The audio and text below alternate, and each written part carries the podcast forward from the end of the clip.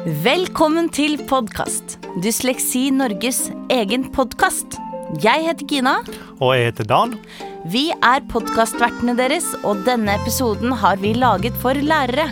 Vi starter denne episoden med at du, Gina, tar en prat med din tidligere lærer, Elisabeth Sunde.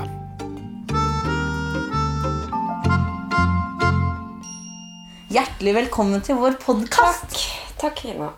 Og du har vært på det kjøkkenet her mange ganger, du. Ja, Jeg har vært her eh, Her har jeg vært alt fra å ha gjort lekser til å ha øvd eksamener. Og Hvor mange timer satt vi da? Noen timer? Ja. Mange, Mange tunge timer. Mange tunge timer. Ja. Ja. Men det som var så fint med deg å ha deg som lærer, var jo at du var alltid en bare en telefonsamtale unna. Mm. Eller en liten kjøretur Ja. unna hvis det ble for ille. Det var, vi hadde vel data òg? Ja, vi hadde jo data. Det var så vidt, kanskje? Ja, vi hadde data. Jeg husker jeg skrev en uh, tekst på engelsk Mm. om de tre små griser. Husker du det? Nei. Jeg skulle skrive en tekst på engelsk, et eventyr. mm. om noen griser, de tre små griser, så skulle jeg oversette det til engelsk eller noe. Og det skulle være på halv, en halv side. Ok.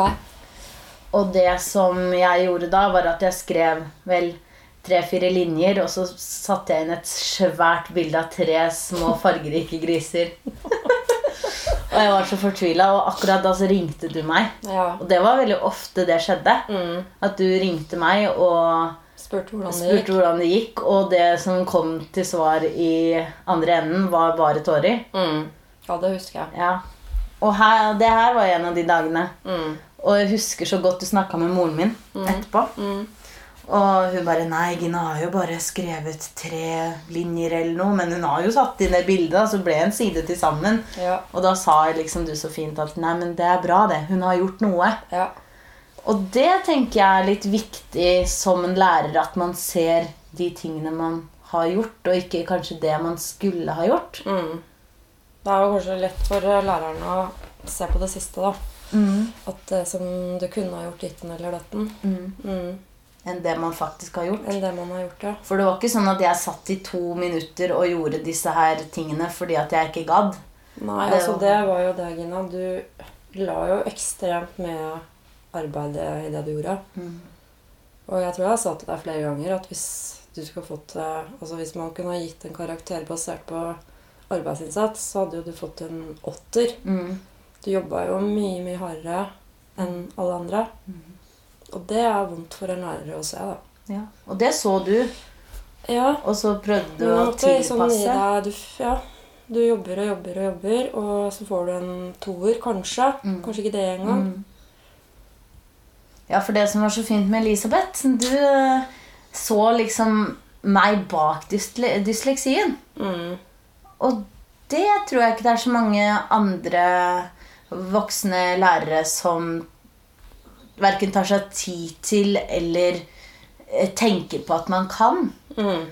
Uh, og selv om jeg fikk den toeren, da, så gikk jeg ut derfra med en større selvtillit fordi at du på en måte hadde forklart meg hvorfor jeg fikk den toeren. Fordi at du kunne jo ikke gi meg en femmer når nivået var på en toer. Mm. Men allikevel så gikk Ja. jeg ut derfra med hevet hode av at jeg hadde lært noe, at du var fornøyd med meg. Ja. Jeg husker første gang jeg traff deg. Ja, Fortell om det. Skal jeg fortelle Ja, det? fortell om det, for det er veldig gøy. Da var, ja, men da var jeg litt sånn uh, ufokusert på at jeg da hadde jeg jo 10. klasse.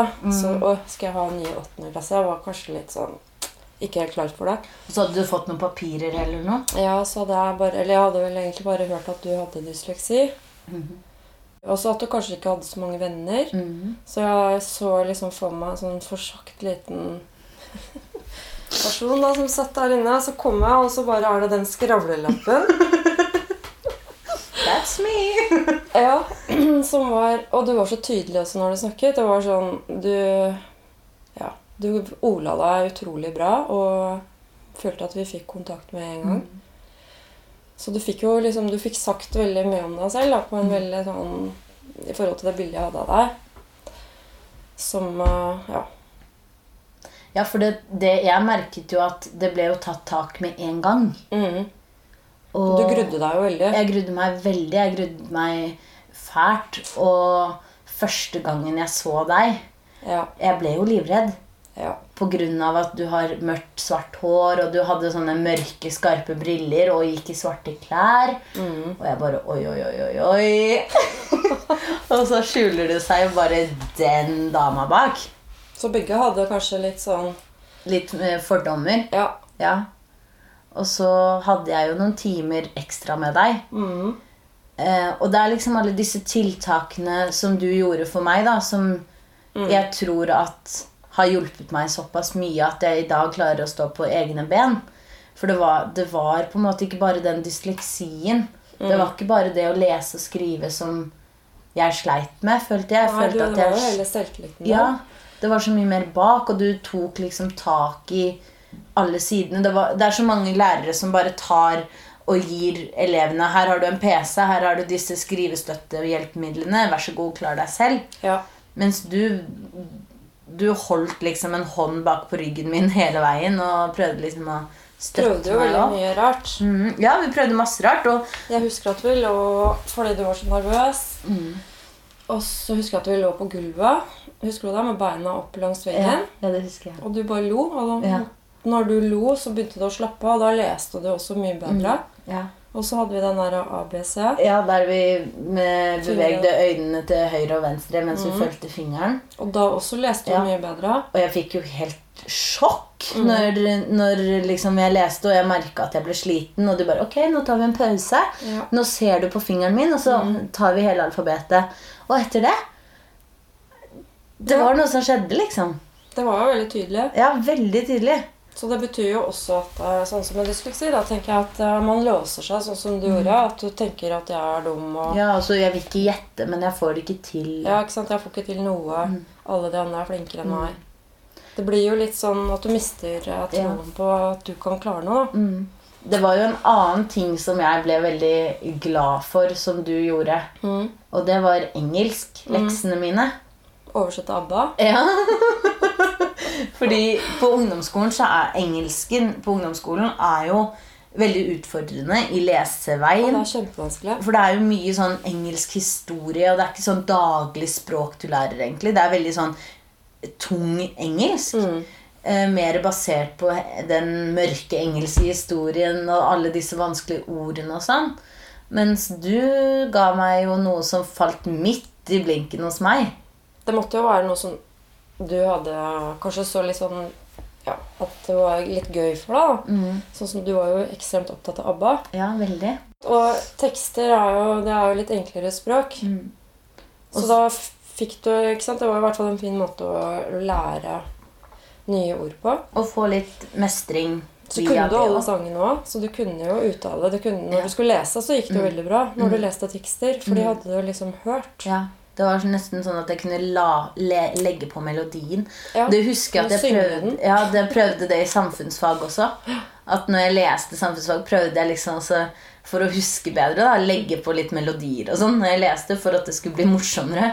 Ja, lagde ikke vi også sånne Hva var det vi tegnet mye? Jo, vi tegnet, og du lærte meg memorerings, memoreringsteknikker og sånn. At du skulle se ting for deg. Mm. Mm, og det brukte du jo. Ja, masse. Vi drev med matte til og med, selv om Ja. jeg kon et Jeg kan jo ingenting om matte. Algebra og ligninger. Ja, Ja. Jeg vet ikke hvor heldige vi kom ut av det, men vi prøvde. vi prøvde.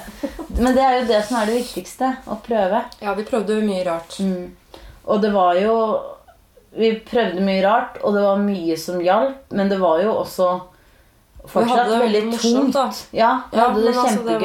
var å få liksom løsne opp på den der angsten din. Mm. På at du bare Å nei, nå blir det for mye. Ja. Sånn som tysken. Ja, Husker jeg det gråt veldig og var helt sånn. ja. Og det var sånn Og jeg, Slow ja, jeg husker veldig godt at du også i engelsktimene så at jeg bare knytta meg mer og mer og mer. og mer. Mm. Hva gjorde du da? Da prøvde du å ta fra deg den knut, knuta. Ja, Da du, stelte du deg bak meg, og så tok du to fingre mellom øyenbrynene mine og pr- klemte til. Og da Mm. Var liksom Ja. Og Ja. da var det borte.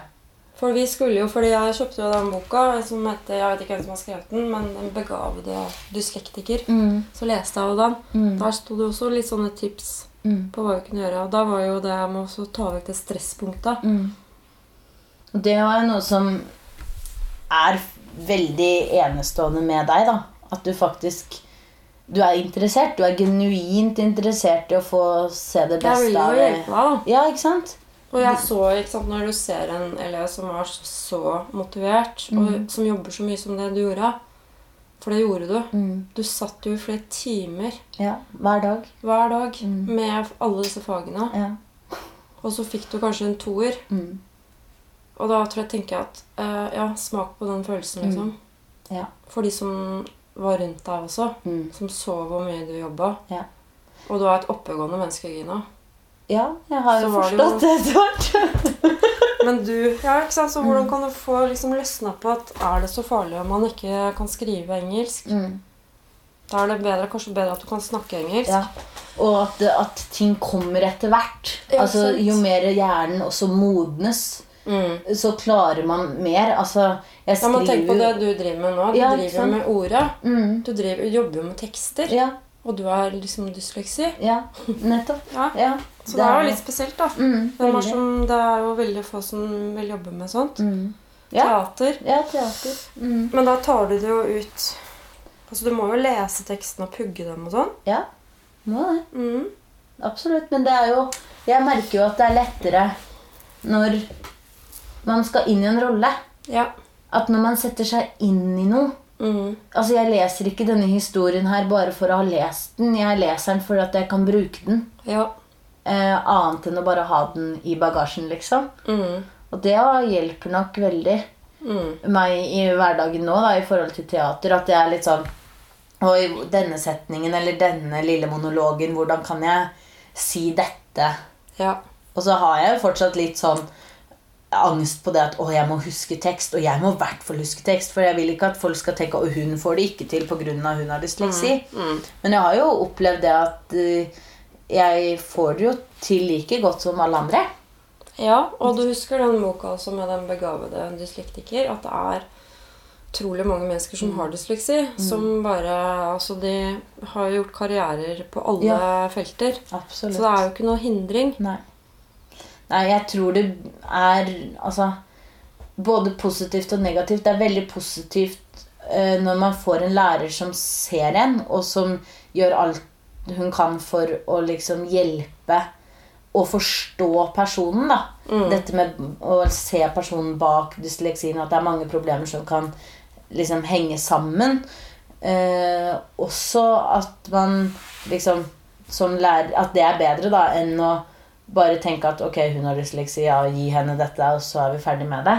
At det er veldig to forskjellige lærere som kanskje du får Det er veldig sånn bingoskolen, da. Mm. At det er Det kommer veldig an på hva slags lærer du har i forhold til hvor du ender opp i livet. Ja. Og det er jo Men det kommer også an på eleven, Gina. Ja, det er absolutt sant. Hvis Fordi man hvis man ikke vil. Mm, Og det er jo mange som ikke vil vise mm. at de har problemer, Ja. så da kan det jo bli helt motsatt. Ja. At de ikke gjør noe som helst. Jeg brukte jo ganske lang tid på å tørre å si det til klassa, jeg òg. Ja, du, vi jobbet jo med at du skulle fortelle. Mm. Så det var jo som om du hadde en alvorlig sånn, sykdom som var nesten sånn Dødelig. Ja, gud veit. Ja. Altså nesten verre enn døden. Mm. Ja, faktisk. Ja, sånn hva, Hvorfor er det så farlig å si at man sliter med det? Mm.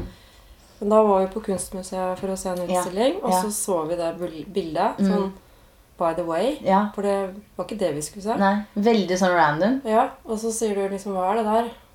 Så fant, vi, var det hun som jobbet der, kanskje, som sa dette er en dysleks, en dyslektiker som har laget og Og jeg kjente jeg ble helt sånn iskald inni meg og så bort på deg. Du bare mm, Nå sier vi det. Nå sier vi det. Sånn er det, liksom. Ja. ja. Og det Og jeg- var jo mange i klassa som visste det. Ja, ikke sant? Men da blir det også et tabu at man ikke Mm. tør å si det, siden ikke du gjør det. Ja. Ja, ja, absolutt. Og etter det så løsna det vel litt mer. Gjorde det ikke? Jo, og jeg tror jo du slapp av Altså, du skjønte at det er om Det med å senke skuldrene, da. Mm. At du lærte at det er liksom ikke Mm. døden om du ikke får til å skrive Eller lese riktig i eller lese riktig. Mm. Ja, det er sant. Men samtidig så er det jo fordi du vil så mye, ikke sant, så er det jo Jeg skjønner jo godt at du sier 'hvorfor må jeg ha dette'? Mm. For det er jo virkelig en Ja, det er jo en belastning, men nå i det, nå i det seinere så har jeg jo forstått at eh, nå vil jeg jo på en måte ikke leve uten det, da. Fordi at det har kommet så gode ting ut av det. Og tenk at du, når, jeg, når du kom i åttende, sitter der liksom, og det var sånn dysleksi, veldig usikker på deg selv, gråt mye. Mm, masse. Ja. Og du hata dysleksien, husker jeg. Mm, Du var veldig sint. ja. Og nå står du og fronter og lager podkast og ja. Om det. om det. Og Og reiser rundt og får folk til å gråte. Ja. Det er jo Tenk på deg nå. ja, det er en utvikling. Ja, jeg er utrolig stolt av deg. Takk. Ja, men jeg er det. Ja, så hyggelig. Men jeg vil jo også Jeg skjønner jo at det er jeg som har gjort den jobben. Ja, For det, det det, syns jo du, det syns jo du er veldig viktig at jeg ikke skal glemme. Og Mm. det skal jeg ikke glemme heller. For det er i deg. Det Ja. er jo noe som har brent i deg. Men jeg tror ikke jeg hadde vært der jeg er i dag hvis du ikke hadde kommet inn i livet mitt. Nei, kanskje hvis Nei, jeg vet ikke. Nei, det tror jeg ikke. Eller det er jeg ganske sikker på. Fordi det var liksom den første gangen jeg opplevde å bli sett Mm. av en lærer. Og det betyr mye for meg. Du har blitt på en måte en sånn livsmentor. Men det kan lære veldig mye av deg også. Tenk på den Det er liksom Når jeg ser deg nå, i forhold til sånn som du var kanskje i åttende klasse, hvor du liksom plutselig sto og hulket Ja. Og det var bare fordi du ble så stressa. Ja. Du liksom ble Jeg knøyt meg så fælt. Ja. Og det er så viktig for andre lærere å vite òg, da. Mm. At dysleksi er liksom ikke bare lese- og skrivevansker. Nei, nei. Det ligger liksom så latent i hele kroppen. Mm. Eh, og det er så individuelt òg, så man må på en måte For å hjelpe et barn og ungdom med dysleksi, så tenker jeg at det er viktig å se barnet bak vansken. For å forstå hvor disse vanskene kommer fra. Har du noen tips til hvordan du og andre lærere kan gjøre dysleksi mindre tabubelagt i en skolehverdag? Jeg tenker at det er å, å kunne snakke åpent om det. Mm. Og, men det er litt sånn man tar jo kanskje som lærer litt hensyn til hvis du vet at det er en som har dysleksi, og som ikke vil at de andre skal vite det, så kan man jo kanskje ikke Da må man ta hensyn til det. Mm. Så det er litt vanskelig å Absolutt. Men jeg tror å være åpen og tenke at det er jo ikke noe Så jeg prøver også å si til folk altså de, Hvis de har liksom skriveproblemer, eller, altså, så er det liksom Ja, det har du, mens mm. jeg eksempel er jo kjempedårlig i matte. Mm. Ja. Ja. Er det så farlig å innrømme det? Jeg er jo lærer. Mm. Ja, Jeg absolutt. kan jo norsk og engelsk. Mm. Mm. Men alle har jo svakheter. Ja. ja, alle har svakheter, og det er jo sånn det er å være menneske. Så, ja. Ja. Men jeg skjønner at det er eh, det med å ha dysleksi og skal gå ti år på skole, videregående, man skal ha en utdanning, Mm. så er det jo en ekstra utfordring, da. Ja. Det er derfor vi trenger gode lærere og motiverte elever. Ja. Ja, Flinke lærere, og motiverte elever. Veldig fint intervju. Tusen takk. Men nå skal vi videre. Du har jo intervjuet din egen mor, Siv Einarsen Volstad. Hun er eh, spesialpedagog i barneskolen. Det er jo La oss høre. Så hvis vi har nå en tenkt situasjon Vi har en, et eh, barn med spesifikke språkvansker som allerede har fått diagnosen sin i barnehagen. Hvordan tar vi da imot en elev som begynner i første klasse? Ja, det er viktig med en god overgang mellom barnehage og skole. Dette er en fase som fort gjør foreldre utrygge. De går fra noe trygt og kjent til det ukjente. Mange tanker dukker opp da, som f.eks.: Blir barnet mitt ivaretatt og sett? Det som er viktig, er gode overførings- overføringsmøter med, eh, med flest mulig av dem eh, voksne som har jobba med barnet, og de voksne som kommer til å jobbe med barnet. Slik at det blir en god informasjonsutveksling med tanke på eventuelt tilrettelegging. Skolen skal også jobbe, eh, opp, leses opp eh, på hva er SSV. Det er en diagnose som er vanskelig å forstå, og ikke minst er, den, er denne vansken skjult. Det kan også være en av grunnene til at mange barn ikke blir fanga opp og får den hjelpa de har krav på.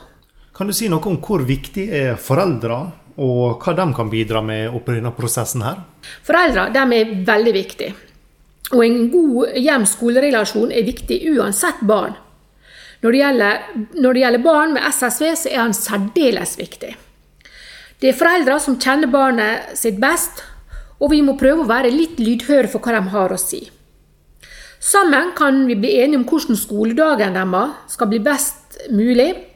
Det er viktig at vi gir foreldre følelse av at de blir tatt med på viktige avgjørelser som har med barnet sitt skolegang. Og Hvis vi nå da trekker oss inn i klasserommet, hva er viktig å tenke på der?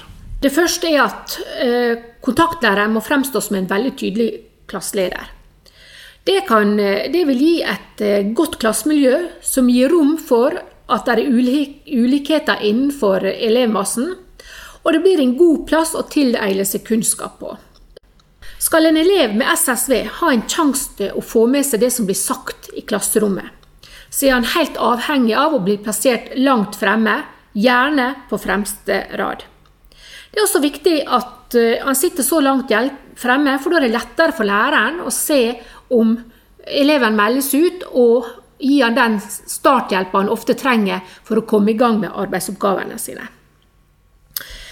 Eh, mye av det som blir tilrettelagt for en elev med SSV, kommer jo klart de andre elevene til gode. Det er superviktig at læreren er tydelig og forutsigbar. Det å legge dagsplan hver dag, gjerne med både tekst og bilde, er smart. Læreren må gi greie, korte beskjeder. Og de må være veldig oppmerksom på å ikke bruke ord som har dobbel betydning eller ironi. For det er faktisk noe de med SSV ikke forstår. Samtidig så skal jo læreren være en språklig rollemodell. For å understreke det som blir sagt, er det viktig med mimikk og tonefall, blikk, ja, i det hele tatt et godt kroppsspråk. Eh, et annet punkt jeg har lyst til å dra frem som kanskje ikke en alltid tenker på, det er lyd. Og i skolen er jo det mye lyd. Men det kan faktisk være en stor utfordring for barn med SSV. De blir veldig fort slitne av for mye bakgrunnsstøy. Og et lite tips kan være at det er lurt å få teste barnet sitt ut for APD, altså auditive prosesseringsvansker, som ofte kan være en tilleggsvanske for barn med SSV. Du har jo snakka om veldig mye forskjellig nå, men eh, er det noe som spesielt kan gjøre eh, dagen vanskelig for et barn med SSV? Det er det. Eh, vi var jo innom første klasse helt i begynnelsen av intervjuet. Førsteklassingene bruker ofte lyttekroken, og da til mange forskjellige ting. Men i lyttekroken så foregår mye prat, og der blir ofte lest bøker i lyttekroken. For å ta for seg det å lese bok, så er det viktig at en elev med SSV får sitte så nært som mulig den som leser.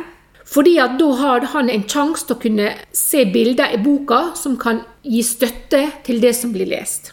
Ellers, eh, når det blir snakka mye i lyttekroken, så blir et, en elev med SSV veldig fort urolig. Det snakkes ofte fort og usammenhengende, og ofte så kan det bli snakka i munnen på hverandre. Dette fører til at de som har SSV, meldes ut, og de blir urolige og kan ende fort opp som klassens uroklokke eller klovn. Men eh, kanskje den aller største utfordringa et barn med SSV har, er at de sliter med korttidshukommelsen. Så det som de lærer i én time, kan sitte som nødvendigvis ikke eh, til timen etter, eller i hvert fall ikke til dagen etter. De trenger mange eh, repetisjoner for å huske det de andre gjør på kortere tid. Og de spør opp og opp og opp igjen. Og Det gjør ikke de for å mase, men rett og slett for å være sikre på at de har forstått det som blir sagt. Dette er jo også, er jo også en utfordring i forhold til å lære.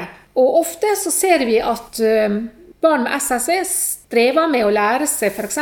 ukedager, måneder og alfabetet mange gangetabellen. Altså det er mange ting de virkelig sliter med å lære seg. Det siste jeg egentlig har lyst til å nevne, er eh, det med å bli sliten. Mange med SSC blir i løpet av dagen enormt sliten.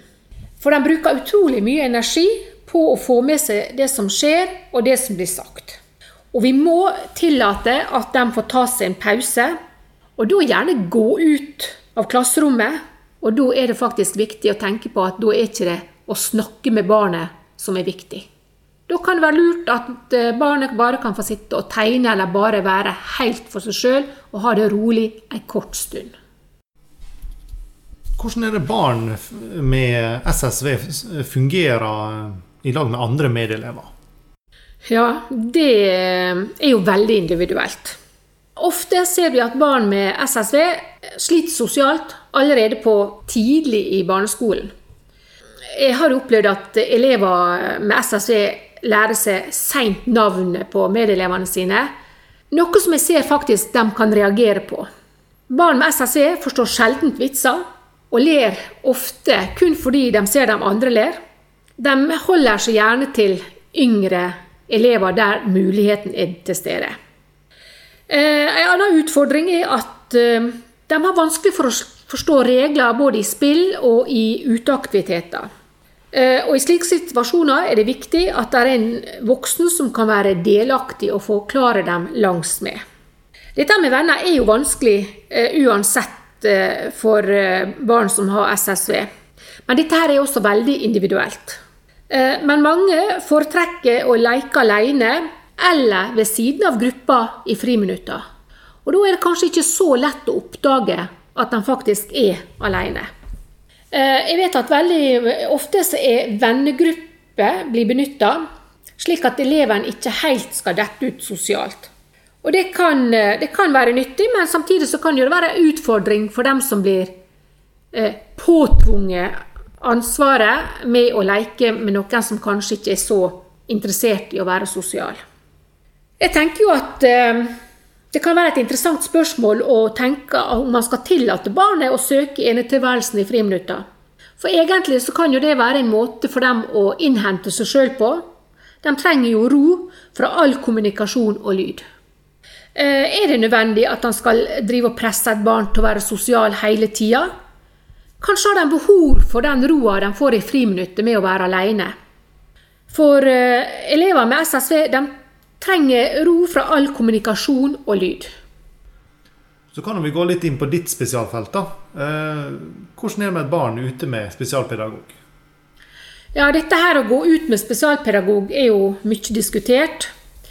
Men jeg vet jo av erfaring at det, at eh, det å få gå ut med spesialpedagog for et barn med SSV er veldig fruktbart.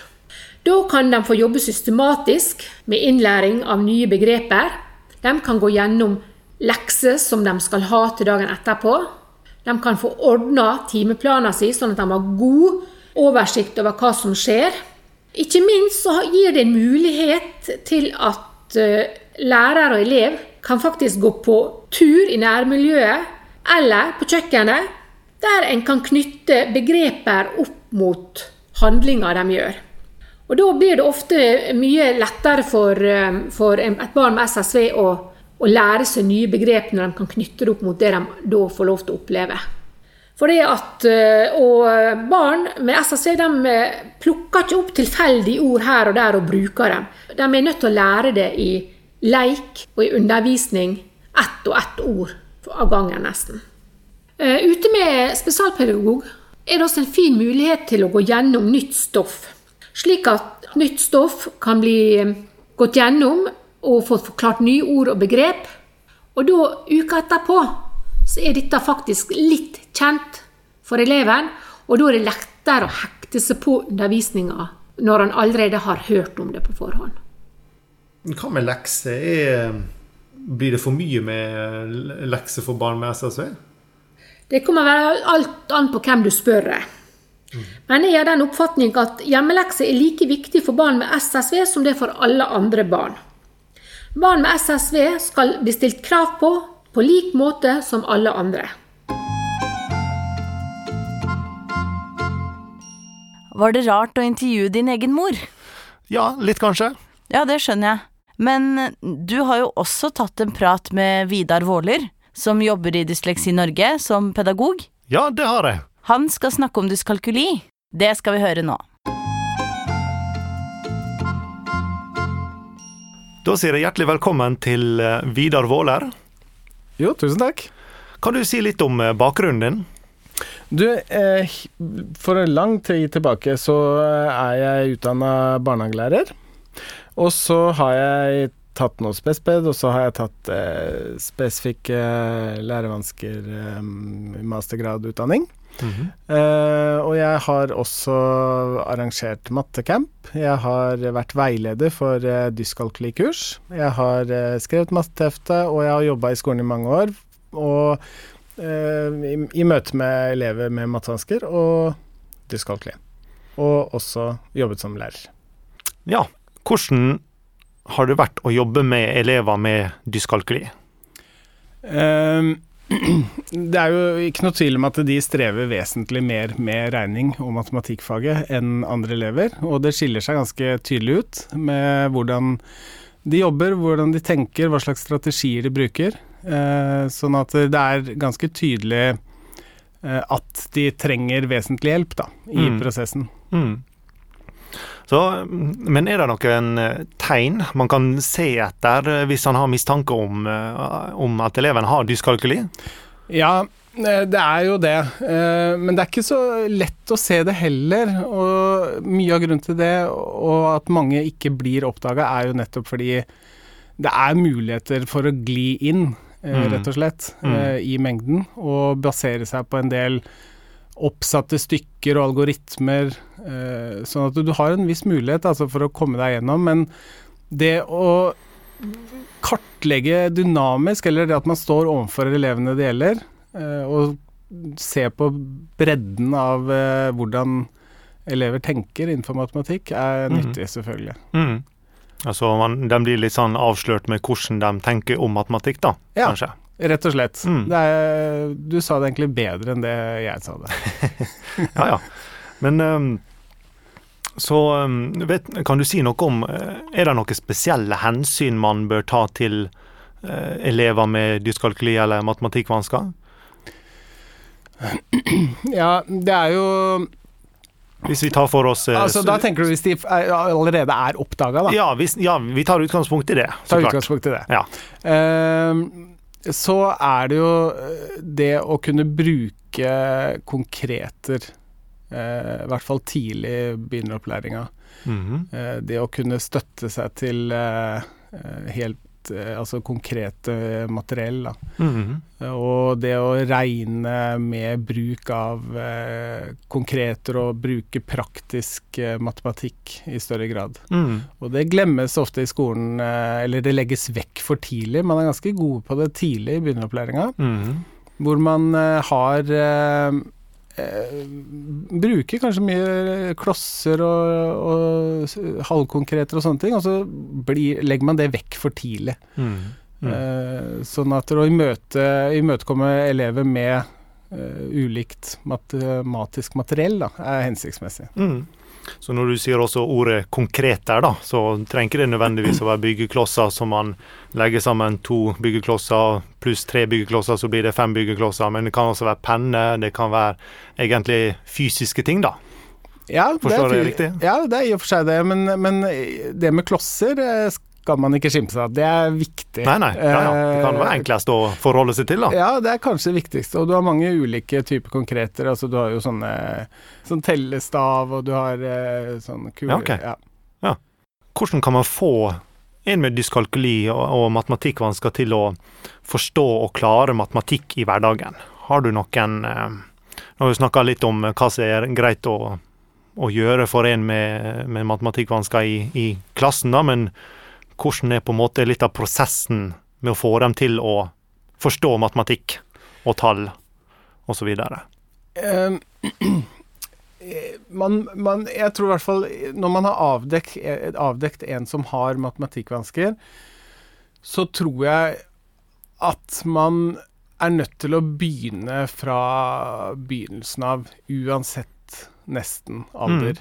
Eh, og det ser jeg jo på alle jeg har møtt, uh, både voksne og de på videregående og i det hele tatt, så er det ofte noe helt grunnleggende som, uh, som det er en mangel på. Mm. Og det kan være seg posisjonssystemet, f.eks. For forståelsen av posisjonssystemet. Eller rett og slett det å vite hva de ulike tallene inneholder eh, og innehar. Eh, så å vite Ha forståelsen av hva hva tallene representerer, da. Mm. Hvor mye er 1000 kroner, for eksempel? Ja, for eksempel. Mm. Uh, ja. Mm. Så det kan være litt sånn vanskelig for dem å ha et, et slags begrep, da. Hvor mye hvor, Om kanskje litt høye tall, for eksempel. Ja, det er klart at der, eh, jo høyere, jo verre blir det jo. eh, Og det kan jo eh, Ja vel. Det kan jo men, men hvis du ikke forstår posisjonssystemet, Mm. så vil jo selvfølgelig spesielt høye tall bli vanskelig. Mm. Kan, du, kan, kan du si litt om posisjonssystemet? Hva det er for noe? Det er et nytt ord som jeg ikke har hørt om, iallfall. Nei. Hvis du har 103, så består det av tre enere, null tiere og én hundrer. Eh, og jo større tallet er, jo, jo flere posisjoner vil du jo få. Mm. Eh, og det å forstå Derfor så er det veldig vanlig å rote med disse hvor de, Hvordan man skal bruke disse ulike posisjonene da, i regning. Mm. Eh, har du f.eks. Uh, ja, det å vite hva som er høyest av 57 og 73, f.eks., uh, kan jo være vanskelig. Fordi eh, selv om 73 er opplagt høyere for oss som forstår det, så er det Mm. ikke opplagt for en som har matematikkvansker. Kan, de, kan de på en måte begynne å veksle da mellom disse her posisjonene? Ja, veksle mellom Ja. posisjoner er helt Mm. vanlig, og det Mm. ser vi går igjen. Det, er, det, det går ofte igjen at man eh, når man skal regne Derfor så setter man opp sånn opp, stykker man setter opp, opp, over- opp under hverandre, så kan man rote med hvor man skal sette opp, og hvor man låner fra, hvor man Ja, ja. og så Mm. videre. Ja, sånn grunnskole Ja. eh, da, kan Ja, vi si. ja. Mm. Noe som jeg ikke er så veldig for altså, Det er jo selvfølgelig Det er jo én strategi, men det finnes mange strategier, og, og det er eh, ofte sånne regler som kan gjøre at mange matema med matematikkvansker er, blir skjult, da. Mm. Fordi man rett og slett støtter seg til regler. Ja, støtter seg til regler som, er- som de i utgangspunktet ikke forstår det heller. Ja. Mm. Hvor mye lærer man om dyskalkuli i lærerutdannelsen? Det er eh, ingenting, eh, omtrent. Eh, svært lite, og det representerer jo også selvfølgelig kompetansen som ligger på det rundt omkring i norske skoler. Mm. Det er lite kompetanse på det, lite kompetanse i PP-tjenester, og, og vi vet rett og slett for lite om det, dessverre. Ja. Og så tenker jeg litt sånn på eleven sin situasjon. Eh, når de har fått vite at de har en eh, diagnose, dyskalkuli, eh, er det lurt å være åpen om dette her, eller er det noe som eh, man bør holde for seg sjøl? Nei, det er kjempelurt å være åpen om det. Åpenhet er veldig, veldig viktig. Uh, og det er eh, så mange som går rundt med dette her, og det gjelder eh, egentlig alle de vanskene, at mm. der, uh, en skole som driver et godt holdningsarbeid, uh, vil få elever som tør å være åpen, åpen om det. Og det er viktig at man snakker om det, og det er viktig at man eh, deler det med andre. Og det kan være at det er flere enn deg selv som mm. har dette her, sånn at man eh, snakker med medelever og kanskje eh, øker en forståelse av hva det er, da. Mm. For det er jo en vanske som dreier seg om kun eh, matematikk. Mm. Ellers så er man jo helt oppegående for øvrig. Ja, Det er man absolutt. Og det gir jo også en rom for, eh, for å, for å um, godta forskjelligheter da, mellom elevene. Ja. Mm. Det gjør det. Vi tenker jo ofte på hvordan det er å gjøre hverdagen til en elev best mulig. Men jeg har litt lyst til å snu på spørsmålet. Had, har læreren god nok både arbeidsforhold og hva man eh, får i utdannelsen, god nok forutsetning for å gjøre en god jobb for elevene i skolen? Litt åpent spørsmål, men hvis vi snevrer det litt inn på dyskalkuli, da, og kanskje de andre vanskene. Um, jeg tror noe Jeg vet ikke helt om jeg svarer på det du spør om, men, men i hvert fall mye av utfordringene rundt eh, sko i skolen og i møte med de i matematikkfaget, da, Mhm. så er det noen ganger kanskje lagt opp til en litt for rigid eh, metodikk -hmm. overfor eh, generelt elever, da. Mm. Eh, og det vil nok eh, kanskje de med dyskalkuli eh, få Det vil være kanskje dummest for de, da, med tanke på at der, de er avhengig av flere inngangsporter til læring. De er avhengig av en større bredde i undervisningsform. Og med lærers metodefrihet så vil det bli eh, noen utfordringer rundt det. Det er altfor mye bruk av boka, f.eks. At man eh, kanskje litt for mye oppsatte stykker, og at man Det er for mange regler rundt hvordan man skal gjøre det. Da, at det kanskje at man får riktig svar er viktigere enn prosessen osv. Mm. Så, så kanskje et litt mer fokus på eh, alternativ læring, Ja. hvis han kan kalle det det. da. Altså, som du sier, de er jo veldig rigide på eh, hvordan man eh, sitter i klasserommet og, og strukturen der, men litt sånn mm, ha fokus på en litt alternativ skolehverdag, kanskje? Multisensorisk læring er et eh, begrep man kan bruke. Det spørs jo litt hvor i prosessen man er, da, og, og litt hvem man står overfor. Og det er ikke sånn gitt at det ene eller det andre er riktig. Det viktigste er jo for hver enkelt elev å kartlegge Mm. for å se akkurat hvor vansken ligger. Eh, og spesielt hvis man har eh, fått en dyskalkulidiagnose, så er det viktig at man eh,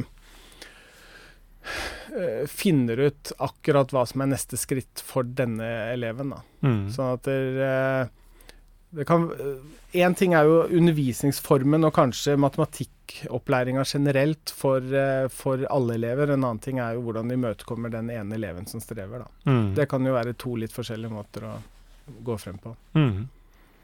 Ja. Har du noe mm, Har du hatt noen spesielle hjelpemidler som du har brukt når du har um, håndtert eh, elever i, i klasseromsituasjon? Ja, vi har, jeg har jo vært med på å arrangere matematikk-camp eh, for de med mattevansker. Mhm. Eh, det har vært da elever fra 8 til 18 år eh, som har vært samla under samme tak. eh, og der har vi hatt en metode som jeg også har brukt i skolen en del, eh, hvor man omformulerer eh, tallsymbolene til tegnsymboler. Eh, og det kan være en ganske god inngangsport for å, for å forstå matematikk og hvordan matematikk er bygd opp. Mm. Det er i og for seg eh, Har jeg og, og en som heter Vigdis skrevet sammen et mattehefte som eh, Dysleksi Norge gir ut, da, hvor, det, hvor den metoden står beskrevet. da. Ja, veldig interessant. Um, så hvis han har lyst til å finne litt mer ut om uh, dyskalkuli og, og hvordan man kan eh, hjelpe barn og unge med, med dyskalkuli og matematikkvansker i hverdagen, hvor kan han søke hjelp hen da? Det spørs jo litt hvilken alder du er i. Eh, dersom du går på eh, barneskolen, eh, så skal du selvfølgelig i hovedsak eh, bli oppdaga av lærer, da. Men hvis du har en mistanke, eller foreldrene har en mistanke, så må man jo eh, høre med PP-tjenesten. Man kan ta direkte kontakt med PP-tjenesten. Eh, er du eh, voksen eller i høyere utdanning, så har du også i og for seg eh, Kan du spørre fylkes-PPT, voksenopplæringa. DPS er det mange som har kunnskap om dette. Man kan også søke Statped kan man også få noe råd og veiledning fra. Mhm. Eh, og da, uten å drive reklame, kan man også høre med Dysleksi Norge, selvfølgelig. Selvfølgelig kan man det. Selvfølgelig. Da sier jeg tusen takk til deg, Vidar. Tusen takk.